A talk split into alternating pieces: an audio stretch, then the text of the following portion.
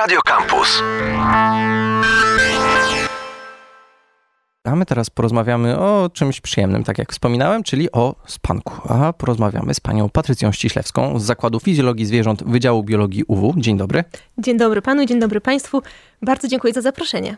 Bardzo dziękujemy za przyjęcie e, zaproszenia. E, będziemy rozmawiać o spaniu, o tym, co nam się śni, ile powinniśmy spać i właśnie w sumie od tego, tej ostatniej kwestii chciałbym zacząć, bo to nie jest takie oczywiste, jakby się wielu wydawało. Ile godzin powinien trwać dobry, zdrowy e, sen? Bo ja może nie, nie żyję zbyt długo, ale o tym, ile powinien trwać sen, czy to 8, czy 6, czy 7, czy 7,5, słyszałem bardzo wiele, więc rozstrzygnijmy to w końcu. Ile powinien trwać dobry, zdrowy sen?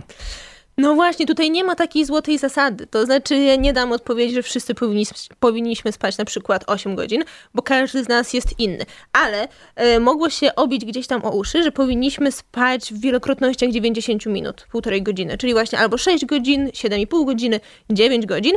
I coś w tym faktycznie jest. To może nie jest tak dokładnie, że z zegarkiem w ręku każdy z nas ma sobie odmierzać te 90 minut, bo to może się wahać od 90 minut do 120, ale faktycznie w naszym śnie występują takie cykle. Występuje faza REM i faza non-REM, to pewnie jeszcze za chwilkę sobie rozwiniemy, tak. ale te dwie fazy występują na sobie, po sobie przemiennie. I właśnie taki jeden cykl składa się z tych obu faz i jeżeli postaramy się budzić około 90 minut, po około 90 minutach, to po prostu będzie nam się łatwiej obudzić i będziemy czuli się bardziej wyspani. A czy to działa też w drugą stronę? To jest, czy na przykład jeśli chcę sobie zrobić drzemkę w ciągu dnia, to powinienem spać około 45 minut, czy, czy raczej nie? nie, 45 minut to byśmy się prawdopodobnie obudzili akurat w środku fazy non-REM, czyli to byłby ten moment, gdy ktoś nas budzi, a my nie wiemy, który jest rok. E, to, to, to, to raczej, raczej nie do końca w ten sposób działa, ale jeżeli chodzi o taki całonocny sen, no to właśnie mówi się, że 90 minut i wielokrotności 90 minut to jest ten taki złoty środek. No, a propos złotego środka, to chciałbym zapytać o mózg, bo to mhm. on jest tutaj chyba głównym aktorem naszych e, rozmów tak, e, o, o śnie. Czy nasz mózg odpoczywa w trakcie snu i czy odpoczywa znaczy to samo, co śpi, bo chyba, chyba nie do końca. Tak, to, to prawda. Tak, nasz organizm faktycznie odpoczywa, to znaczy ciało odpoczywa, ciało śpi, ale to, czy mózg śpi, no to nie powiedziałabym, ponieważ podczas gdy organizm śpi, organizm odpoczywa, to w naszym mózgu zachodzi szereg procesów.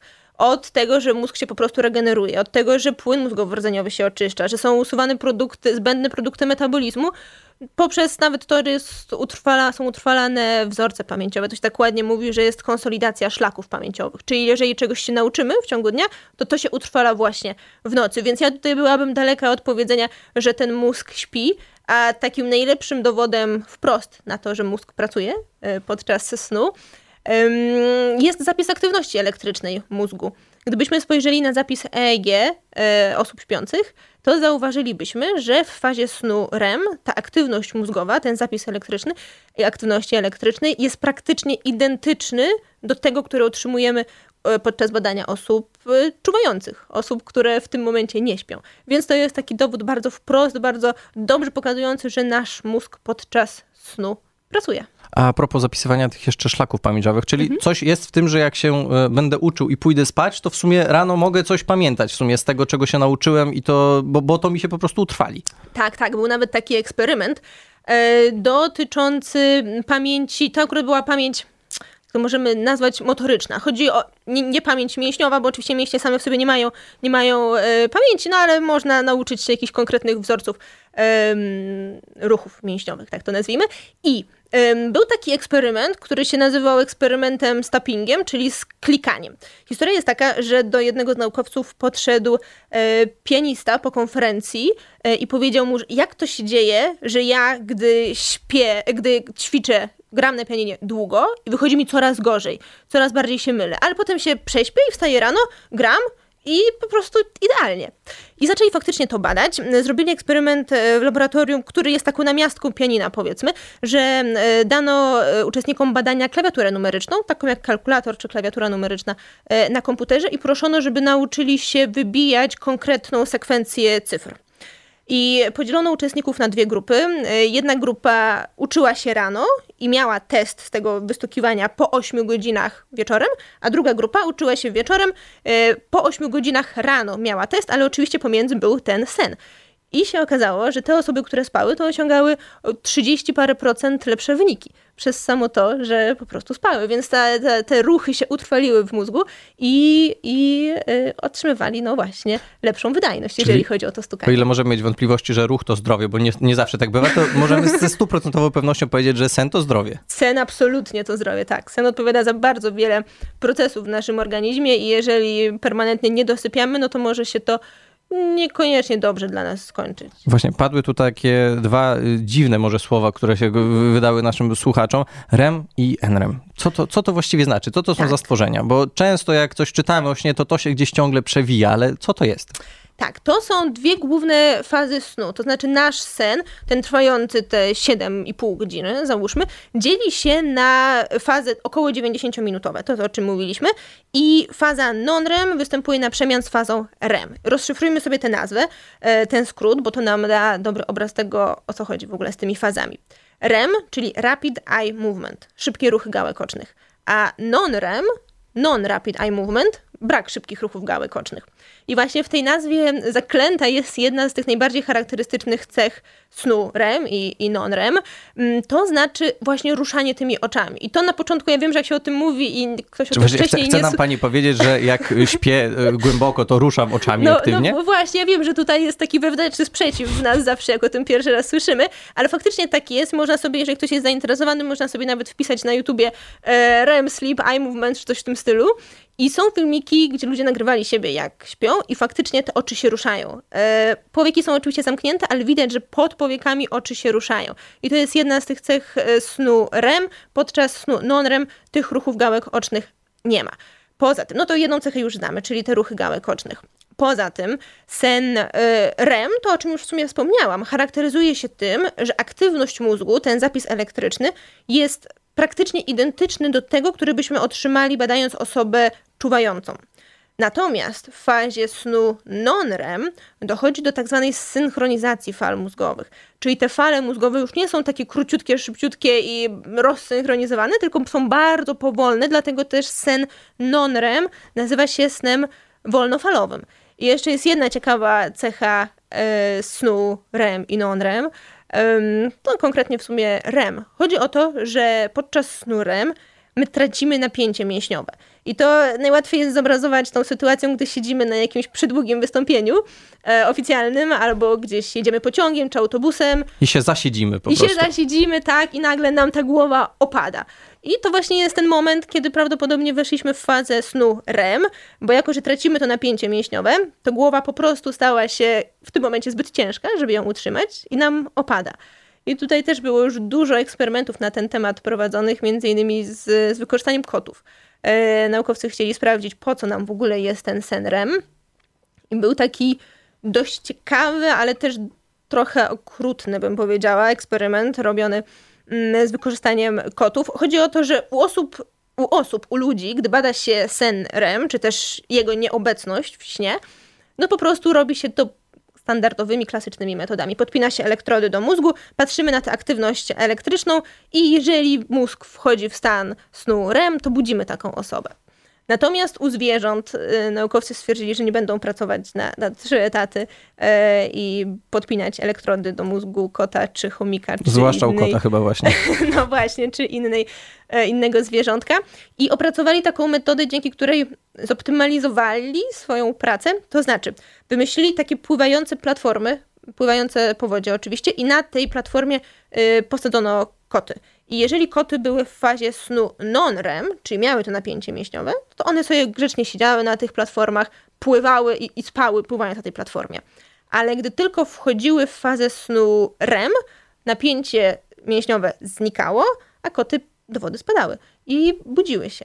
I w ten sposób właśnie badano, co się stanie z kotami, ze zwierzętami, e, jeżeli zabroni się im w jakiś sposób wchodzić w tę fazę snu REM. I teraz już wiemy, że w najgorszym przypadku to może prowadzić do śmierci, ale w takim nieco łagodniejszym przypadku, no to po prostu my jesteśmy rozdrażnieni, to u ludzi jest e, tak samo. Jesteśmy rozdrażnieni, na przykład chce nam się bardziej jeść, bo są zaburzone, e, zaburzone procesy produkcji hormonu sytości i łaknienia. Trudniej jest nam e, schudnąć, na przykład, jeżeli chcemy. Jak często śnimy? Mm, to zależy o jakie sny pytamy To znaczy, ym, powinniśmy rozdzielić sobie sny na te faktycznie wizualne marzenia senne, te obrazy, które my widzimy, i na takie sny, których sobie może nie do końca uświadamiamy. Były takie eksperymenty robione na szczurach, e, które uczono drogi do nagrody, do jedzenia. I podłączono oczywiście te elektrody do, do mózgu szczurów i tak dalej. I okazało się, i tak samo jest u ludzi, teraz wiemy, że to bardzo podobnie wygląda u ludzi, że w początkowych częściach snu my odtwarzamy w naszym mózgu informacje przestrzenne, których się nauczyliśmy w ciągu dnia. Czyli te szczury odtwarzały sobie drogę, którą musiały pokonać, żeby dotrzeć do jedzenia. I wiemy, że tak samo się dzieje u ludzi, w szczególności jeżeli w ciągu dnia zdobędziemy jakieś ważne dla nas informacje, jeżeli chodzi o przestrzeń, o e, lokalizację, czyli na przykład jak jesteśmy taksówkarzem albo kierowcą autobusu i musimy mieć w głowie cały czas te mapy i się orientować dobrze w przestrzeni, to faktycznie te informacje przestrzenną sobie odtwarzamy w tych początkowych częściach snu. Podobnie, jeżeli na przykład y, jakiejś, na jakiejś ulicy ktoś nas zaatakuje, to też ta informacja nam się bardzo mocno utrwali, mm -hmm. tak, że nie powinniśmy y, wchodzić w tamto, w tamto miejsce. Więc faktycznie na początku przetwarzamy sobie te informacje przestrzenne, natomiast im dalej w las, im dłużej śpimy, tym więcej w naszym śnie jest tego snu REM, tego Rapid Eye Movement.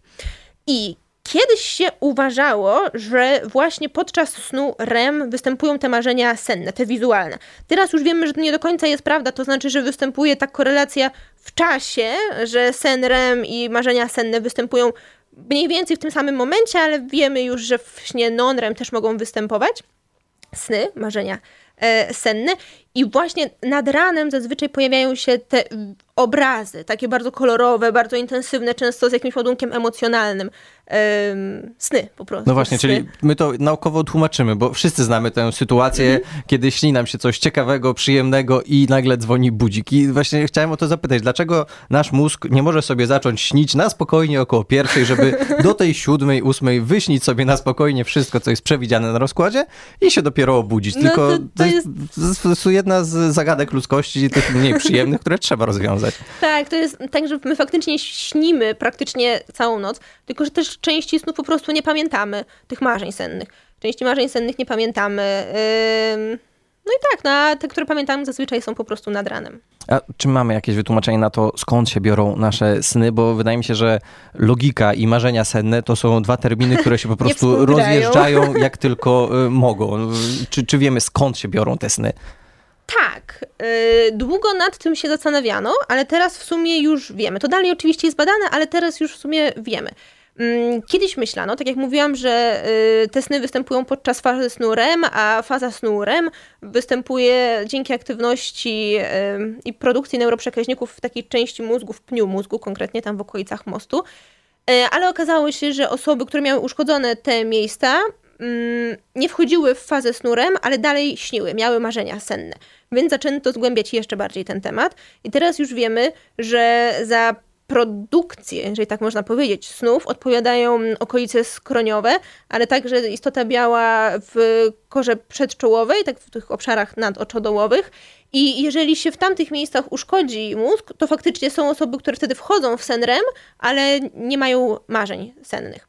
Mm, a to, dlaczego sny są irracjonalne i często są dalekie od jakiejkolwiek logiki, to wynika z tego, że tak naprawdę sny składają się z naszych faktycznych doświadczeń. Albo z tego, co przeżyliśmy, albo z tego, co, nie wiem, przeczytaliśmy, gdzieś Kogo spotkaliśmy. Tak, dokładnie. Bo to też podobno jest tak, że jeśli widzimy jakąś twarz we śnie, to jest twarz, którą musieliśmy, musieliśmy, już widzieć. kiedyś widzieć. Tak, tak, nawet jeśli mamy wrażenie, że kompletnie nie znamy tej osoby. Tak, dokładnie tak. Gdzieś na ulicy mogliśmy minąć, czy, czy po prostu gdzieś zobaczyć w gazecie na przykład.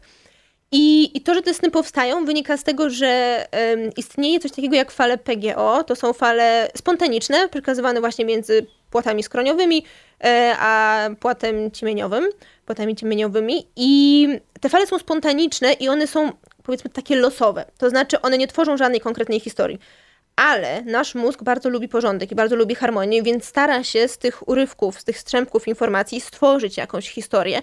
I czasami to wychodzi dość pokracznie, że te historie nie są faktycznie zbyt realne i możliwe, żeby się zadziały w prawdziwym życiu. A to, że te historie faktycznie istnieją, to znaczy, że my mamy świadomość, że one istnieją i że my je traktujemy tak, jakby były prawdziwe wtedy, kiedy śpimy, wynika z tego, że ja na początku powiedziałam, że mózg y, nie śpi podczas snu, ale to powiedziałabym troszkę naciągnię, naciągnięta informacja, ponieważ faktycznie są części mózgu, które są wyłączone, które nie są aktywne podczas snu. Tutaj mam na myśli w szczególności korę przedczołową. Kora przedczołowa y, podczas stanu aktywności na jawie kontroluje nasze zachowanie, kontroluje nasze emocje, hamuje nasze niektóre zachowania, jest tak zwanym zdrowym rozsądkiem. I właśnie ona sobie śpi podczas snu. E, więc jeżeli pojawiają się te irracjonalne sny, to po prostu nie ma tego kogoś, kto powie halo, halo, stop, ta historia nie jest prawdziwa. To nie może istnieć, to, to się nie dzieje naprawdę. Jeżeli ta kora przedczołowa jest właśnie wyłączona, bo śpi, no to wtedy do głosu dochodzą te irracjonalne marzenia. Kot, kota nie ma, myszy harcują po prostu. do, no dokładnie tak. I dlatego nam się wydaje, że te marzenia senne, wizualne obrazy są wtedy prawdziwa. Jak już się budzimy, to z perspektywy czasu wiemy, że, że to nie była prawda, bo właśnie kora przestrzałowa nam mówi, że Budzi no, się no, i mówi, no, że no, coś, halo, coś się w nocy halo. zadziało takiego nie, nie, nie w porządku. Jeszcze zanim przejdziemy do zegara biologicznego, to chciałbym zapytać y, o spadanie w trakcie snu, bo to spadanie wydaje mi się, że wszystkim nam się śniło. Mhm. O co chodzi? Dlaczego to jest aż tak powszechne? Tak, to no właśnie, ten sen spadania jest bardzo powszechny i to wynika z tego, że mm, do naszego y, mózgu podczas snu są ograniczone, znaczy docierają ograniczone bodźce. I bywają takie momenty, że yy, no właśnie będzie jakaś ta spontaniczna aktywność, że, że coś się dzieje i nasz mózg się na przykład tak na, chwil, na chwilkę przebudzi, potem znowu usypia, a my się znajdujemy w pozycji leżącej, a w, zazwyczaj jak śpimy. A w pozycji leżącej, no to właśnie albo się spada, albo się gdzieś leci. Dlatego to jest takie złudzenie, to jest taka mieszanka tej, tej prawdziwej, rzeczywistej informacji otaczającego nas świata, czyli to, że my leżymy i że ciało znajduje się w pozycji horyzontalnej, z tymi irracjonalnymi wyobrażeniami, które y, są wynikiem tej spontanicznej aktywności mózgu. Więc oczywiście nie spadamy naprawdę, ale nam się wydaje, że, że, że spadamy i ta informacja jest, to, to, to, to złożenie tych wszystkich informacji jest na tyle realne, że się budzimy przerażeni. Ja chciałbym zapytać o takie zjawisko paraliżu sennego, bo ja nigdy go nie doświadczyłem i szczerze mówiąc, jak usłyszałem pierwszy raz od mojego znajomego, że doświadczył czegoś, czym jest paraliż senny, to byłem pewien przez chwilę, że on opowiada mi jakieś dziwne historie i y, może po prostu się dobrze bawił poprzedniego wieczora i coś mu się wydawało. E, czym jest ten paraliż senny? Paraliż senny, ja też faktycznie nie doświadczyłam go, więc tutaj łączę się w tym doznaniu niedoświadczenia e, paraliżu, sen, paraliżu sennego. Ale wynika to, może tak, czym jest paraliż senny? Paraliż senny to jest takie zjawisko, że my się już budzimy, to znaczy nasza świadomość już się budzi, my jesteśmy obudzeni i czujemy, że jesteśmy obudzeni, ale dalej nie możemy ruszyć naszym ciałem. Więc jesteśmy zamknięci w naszym ciele, że chcielibyśmy się ruszyć, ale nie możemy. I to wynika z tego, że tak jak wspominałam podczas naszego tam poprzedniego wejścia, podczas snu REM em, doświadczamy zaniku napięcia mięśniowego. To można też nazywać atonią, czyli po prostu nie mamy pełnej kontroli nad tymi mięśniami. I w przypadku paraliżu sennego to jest bardzo proste, jeżeli o tym pomyślimy, zjawisko tego, że nam się rozsynchronizowały niektóre części mózgu odpowiedzialne właśnie za generowanie tej atonii, ale też za utrzymywanie stanu snu, snu, i czuwania. Więc nasz mózg, nasza świadomość już się obudziła, już jesteśmy obudzeni, ale ta atonia jeszcze z naszego organizmu nie zeszła. Więc jeżeli chodzi o taki mechanizm, to powiedzmy, że jest to łatwe do wytłumaczenia, ale podobno jest to zjawisko absolutnie przerażające, jak się go doświadcza, bo ono oczywiście trwa bardzo krótko, no ale w, naszej, w naszym odczuciu to trwa wieczność. I podobno jest bardzo nieprzyjemne. Bo dzieje się coś bardzo dziwnego, coś, czego No, w tak, ogóle nie, mamy spodziewamy się kontroli. doświadczyć tak, nawet. dokładnie. E, Zegar biologiczny. E, To jest pojęcie, które oczywiście wszyscy o nim słyszeli wszyscy kojarzą o co chodzi, ale ja chciałem zapytać o to, kto jest zegarmistrzem takiego zegara biologicznego? Kto go y, nakręca? Bo czy to robimy my sami, każdy jest swoim własnym zegarmistrzem, czy robi to otoczenie, w którym przebywamy? Odpowiedź jest ym, i tak, i nie, jeżeli chodzi o to, czy my sami go nakręcamy. Mianowicie, y, takim głównym zegarem biologicznym, to się nawet nazywa master clock, w naszym organizmie, jest taka mała struktura w mózgu. To się nazywa jądro nadskrzyżowaniowe. Jądra w sumie, bo są dwa symetrycznie. Jądro nadskrzyżowaniowe. I jądro nadskrzyżowaniowe wysyła, synchronizuje wszystkie inne zegary w naszym mózgu, bo też ciekawostka jest taka, że w, praktycznie każda tkanka w naszym organizmie ma swoje własne zegary. To się nazywa zegary peryferyczne, więc wątroba może sobie działać troszkę w nieco innym rytmie niż, niż na przykład żołądek. Ale właśnie ten główny zegar, ten główny ta główna postać, która nakręca zegar biologiczny, to jądro nadskrzyżowaniowe w mózgu i ono wysyła sygnały między innymi na przykład do szyszynki, a szyszynka już produkuje, produkuje melatoninę. Melatonina zwana jest hormonem ciemności. Podkreślam, że nie snu, tylko ciemności, bo to jest częsty błąd, że się yy, w reklamach na przykład mówi, że to jest hormon snu. On faktycznie jest generowany po prostu w nocy, ale u zwierząt, które są aktywne w nocy, też jest, gener- też jest produkowana w nocy, więc to nie jest hormon Czyli chodzi tylko o, o ciemność, hormon tak, a nie, nie o spanie. Tak, dokładnie. Mm, no i ta melatonina, tak się też ładnie mówi, że ona otwiera wrota snu. E, bo właśnie melato, stężenie melatoniny wzrasta tuż przed snem i jeżeli osiągniemy odpowiedni poziom melatoniny i faktycznie będzie ten proces wzrastania, stężenia, to nam się zaczyna chcieć spać i iść po prostu do snu szykujemy. I był taki eksperyment, gdzie dwóch naukowców się, Kleitman i Richardson się udało do jaskini, zamknęli się w tej jaskini na 32 dni bez To dostępu. się nazywa poświęcenie naukowe właśnie. To się nazywa tak, zaangażowanie w imię nauki. Um, i oni się zamknęli w tej jaskini na te 32 dni bez dostępu do żadnych zewnętrznych bodźców, w szczególności mam tutaj na myśli światło. Mm, I pytanie, co się stanie? To znaczy, mogli się zupełnie rozsynchronizować, że mogli spać, nie wiem, 3 godziny, potem 3 godziny aktywności, znowu 3 godziny snu i tak dalej. Mogła ta doba trwać dużo dłużej. A co się okazało, to, że tak naprawdę nic się nie stało. To znaczy, celem tego eksperymentu było też wydłużenie wewnętrznej doby do 28 godzin i do 6 dni w tygodniu, żeby nie było 7, tylko 20, 7 dni i 24 godziny, tylko 28 i 6 dni. I okazało się, że w sumie nic się nie stało. To znaczy, jednemu z nich udało się troszkę wydłużyć e, tą dobę, ale drugi, drugi zupełnie nie. Oni tam siedzieli Więc, miesiąc. Tak? tak, 32 dni. Więc to była taka pierwsza wskazówka dotycząca tego, że ten nasz zegar biologiczny jest raczej endogenny, czyli wynikający z nas, wewnątrz z nas, a nie z otoczenia, no bo oni nie mieli tego światła słonecznego. Nie mieli, yy, nie mieli czegoś, co by synchronizowało ich do tych 24 godzin. Teraz wiemy, że faktycznie każdy z nas posiada tę indywidualną dobę, wewnętrzną dobę. Ta doba może być troszkę dłuższa, może być troszkę krótsza. Średnio u ludzi to jest 24, y, to są 24 godziny i 15 minut. Mm, więc, więc tak, więc mamy, więc zegar biologiczny faktycznie jest endogenny, niezależny tak naprawdę od niczego i cykle są generowane zupełnie niezależnie na przykład od światła, ale to światło tutaj się pojawia nie przypadkiem, bo ono jest, kolejna ładna nazwa, um, Zeitgeberem, czyli dawcą czasu, z niemieckiego Zeitgeber, um, dawca czasu, czyli właśnie światło jest o tyle ważne, że potrafi nam synchronizować te zegary.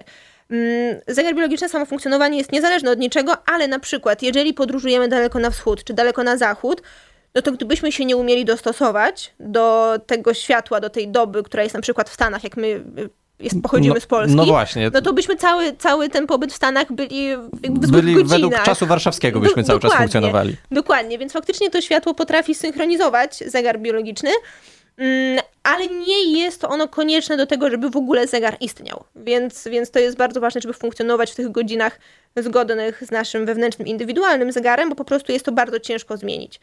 Mamy to endogenne, wewnętrzne i raczej niezmienialne. Rozmawialiśmy o zegarze biologicznym, o snach, e, o takich bardziej fizjologicznych aspektach snu. E, a chciałbym przejść do takiego tego podziału na nocnych marków i ranne ptaszki. Czy ten podział rzeczywiście istnieje, czy to jest mit może, czy, czy, czy on, wydaje mi się, że on jest, bo chyba też trochę to gdzieś się przebijało w tej naszej e, rozmowie. Jak jest z tymi nocnymi markami i rannymi ptaszkami? Tak, jak najbardziej jest to prawda. To znaczy, faktycznie istnieje coś takiego, że mamy różne preferencje czasowe, czyli jedni wolą E, pracować, być aktywni rano, inni wieczorem. I to nawet ma swoją nazwę. To się nazywa chronotypy. E, można być chronotypem wieczornym, czy też porannym, czyli właśnie sową, skowronkiem. Jest kilka różnych podziałów. Wyróżnia się także według innego podziału e, wilka, lwa, niedźwiedzia i delfina na przykład, więc takie zwierzęce alterego ogólnie panują, jeżeli chodzi o chronotypy. Jest też chronotyp mój osobiście ulubiony, bo się utożsamiam, czyli Drzemkowicz osoby, które w środku dnia e, lubią sobie uciąć drzemkę. I faktycznie jest to, to jest wynik funkcjonowania naszego wewnętrznego zegara biologicznego. Jakkolwiek byśmy tego nie nazwali, czy niedźwiedź, czy skowronek, czy sowa, wynika to z funkcjonowania naszego zegara biologicznego i jest to raczej niezmienialne. To znaczy, oczywiście tym światłem na przykład da się nieco przesunąć te nasze godziny aktywności, czyli jak ktoś jest skrajną sową, ale codziennie będzie wstawał o tej samej godzinie, codziennie tuż po wstaniu będzie się wystawiał na działanie światła słonecznego, Mm, jadł w odpowiednich godzinach, ćwiczył w odpowiednich godzinach i tak dalej, to faktycznie da się przesunąć te nasze godziny funkcjonowania, no na przykład półtorej godziny wcześniej i tak dalej. Tylko, że jeżeli potem wyjedziemy na wakacje i sobie odpuścimy tę regularność, to to wszystko wróci do tego naszego indywidualnego, wewnętrznego chronotypu. Natury nie oszukamy. No właśnie, nie, nie oszukamy, nie oszukamy. No właśnie, ja chciałbym zapytać, skąd to się bierze? Czy to jest genetycznie, czy dziedziczymy, dziedziczymy to po rodzicach, po dziadkach? Tak, e, to jest badane cały czas, ale tak mamy już potwierdzenia naukowe, że chronotyp jest dziedziczny. Mamy różne tak zwane geny zegarowe, e, które odpowiadają za różne procesy cykliczne w naszym organizmie i ich ekspresja też zachodzi w sposób cykliczny e, w ciągu doby. I właśnie wiemy już, że na przykład jest taki gen PER2, też swoją drogą kolejna ładna nazwa w chronobiologii, jest dużo ładnych nazw, bo PER to skrót od period. Jest też gen Od Timeless, więc jest dużo takich nazw e, bardzo charakterystycznych. No ale wracając, mamy na przykład ten gen PER2 i wiemy już, w zależności od tego, jaką on ma długość, e, tak może się zmieniać ten chronotyp. Jest też teoria, jest teoria ewolucyjna, jeżeli chodzi o to, w jaki sposób e, chronotypy powstały. I uważa się, że może to być pokłosie tego, że w pierwotnych społeczeństwach funkcjonowały osady, grupy społeczne, które musiały bronić się przed jakimiś wrogimi ugrupowaniami i dość logicznym jest, że jeżeli w danej grupie były osoby, które wolą funkcjonować wieczorem, ale też były osoby, które wolą funkcjonować rano, to ten okres, kiedy wszyscy spali, był po prostu najkrótszy, bo jedni jeszcze nie spali, a drudzy już nie spali. Y, I uważa się, że to mogło się po prostu utrwalić, y, i dlatego dalej mamy te, te chronotypy i dalej są osoby, no właśnie poranne czy też wieczorne. Mm, no właśnie, więc Czyli wbrew temu, do czego nas przekonują e, trenerzy, personalni, coachowie i tak dalej, to wstawanie o 4-5 rano to nie jest klucz do, do sukcesu, przynajmniej nie dla wszystkich. Tak, no właśnie myślę, że to jest sedno sprawy, że nie dla wszystkich, bo no, faktycznie pojawia się coraz więcej takich teorii, pomysłów typu klub piąta rano, czyli wstawajmy wszyscy o piątej rano, to będziemy bogaci, szczęśliwi i wszystko, życie będzie od razu lepsze. I faktycznie na pewno są osoby, którym się lepiej wstaje o tej piątej rano i wtedy są po prostu takie bardziej trzeźwe na umyśle, im się lepiej pracuje. Tylko, że tego nie można tak uogólniać, bo jeżeli jest osoba, która genetycznie i tak wewnętrznie ma ten swój wewnętrzny zegar biologiczny nastawiony raczej na te godziny wieczorne, no to ta piąta rano się bardzo szybko stanie koszmarem, a nie wcale tym lepszym życiem. No Więc właśnie, to myślę... to się chyba też trochę łączy z y, czymś, co nazywamy social jetlagiem, tak? Czyli mhm. jakby to, że y, ja na przykład pamiętam, że wstawanie do szkoły dla mnie na ósmą to był zawsze dramat, tak? Nawet kiedy się starałem kłaść wcześniej, to ta mhm. ósma to był dla mnie tak, może nie środek nocy, ale takie wczes bardzo wczesne godziny poranne. Takie to zjawisko jak social jet lag jest, istnieje, tak? Tak, istnieje jak najbardziej. To jest w sumie dokładnie coś takiego jak ten jetlag, który znamy z podróży daleko na wschód czy daleko na zachód, tylko tutaj występujący w mikroskali, tak to powiedzmy, każdego dnia. Jeżeli ktoś jest naturalną osobą, a musi wstawać wcześniej do szkoły. I ten temat jest to znaczy wzrasta świadomość społeczna, jeżeli chodzi o funkcjonowanie tego zegara biologicznego i tego, że powinniśmy funkcjonować w optymalnych dla siebie godzinach. I tutaj ciekawostka na przykład jest taka, że w Stanach Zjednoczonych, w Kalifornii 1 lipca, jeżeli dobrze pamiętam, tego roku wprowadzono taki stanowy zakaz rozpoczynania zajęć szkolnych w liceach przed 8.30 bo tam do tej pory zaczynano zajęcia dość wcześnie, około siódmej nawet, więc ta, to przesunięcie o półtorej godziny to jest naprawdę dużo. I to, że jest już taki stanowy, oficjalny zakaz rozpoczynania zajęć przed 8.30, no to myślę, że to jest dobry znak, że może będziemy właśnie nieco większą uwagę przykładać do tego, w jakich godzinach funkcjonujemy i że to wstawanie bardzo wcześnie może mieć um, różny negatywny wpływ nawet właśnie na uczniów. Czy to w kontekście tego uczenia, czy funkcjonowania, czy, w ogóle zdrowia. Uczniowie chyba mają nadzieję, że tam w menie ktoś nas słucha i też na tą 8.30 albo tak przynajmniej na jakąś 8.15 zajęcia przesunie. Mam jeszcze dwa pytania o to, jak e, spać i nie spać. Najpierw zapytam o to, jak e, zasnąć, bo ta bezsenność może nie występuje w jakichś takich bardzo skrajnych formach bardzo często, ale na pewno też część z nas ma problemy z tym spaniem, a też jak wiemy, naukowcy na te środki nasenne nie zawsze patrzą przychylnym okiem. Czy są jakieś takie naturalne metody tego, jak siebie samego przekonać do tego spania? Tak, tak. Na pewno jednym z takich kluczowych elementów, jeżeli nie możemy usnąć i powinniśmy wykluczyć ten element ze swojego życia, e, przynajmniej tego wieczornego, to jest niebieskie światło. I o nim się dużo mówi, ale w sumie mało, rzadko kiedy się mówi o tym, jak to działa. Chodzi o to, że niebieskie światło wpływa na produkcję melatoniny. I jeżeli na przykład używamy telefonu albo oglądamy telewizję w łóżku przed snem, no to po prostu tej melatoniny będziemy mieli mniej, a jak już wspominałam, melatonina e, otwiera wrota snu. Więc jeżeli melatoniny jest za mało, no to możemy mieć problem z uśnięciem na przykład. Mm, dodatkowa kwestia, no to to, że w sypialni powinniśmy mieć dość chłodno, bo żeby usnąć, temperatura naszego ciała musi się obniżyć, żebyśmy w ogóle usnęli.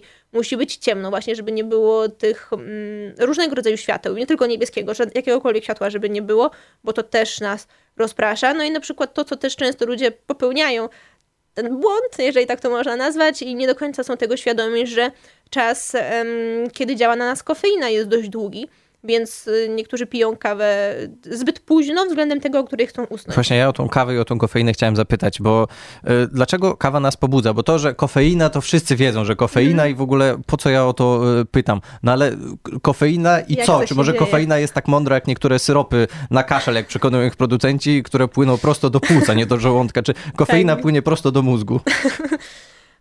Coś w tym jest akurat, ponieważ to działa w ten sposób, że jest tam melatonina na przykład, dzięki której chce nam się spać. Są różne neuroprzekaźniki, dzięki którym też chce nam się spać. Ale w naszym organizmie także istnieje coś takiego jak adenozyna. I adenozyna to jest taka cząsteczka, która stanowi produkt uboczny różnych reakcji chemicznych zachodzących w naszym organizmie. Więc im dłużej my nie śpimy, tym więcej tej adenozyny się w naszym organizmie zbiera. I ona się przyłączy do takich specjalnych receptorów, i właśnie, im więcej do tych, im więcej adenozyny jest przyłączonej do tych receptorów, tym bardziej chce nam się spać, bo to jest taki sygnał dla organizmu, że oho, już pewnie długo nie śpimy.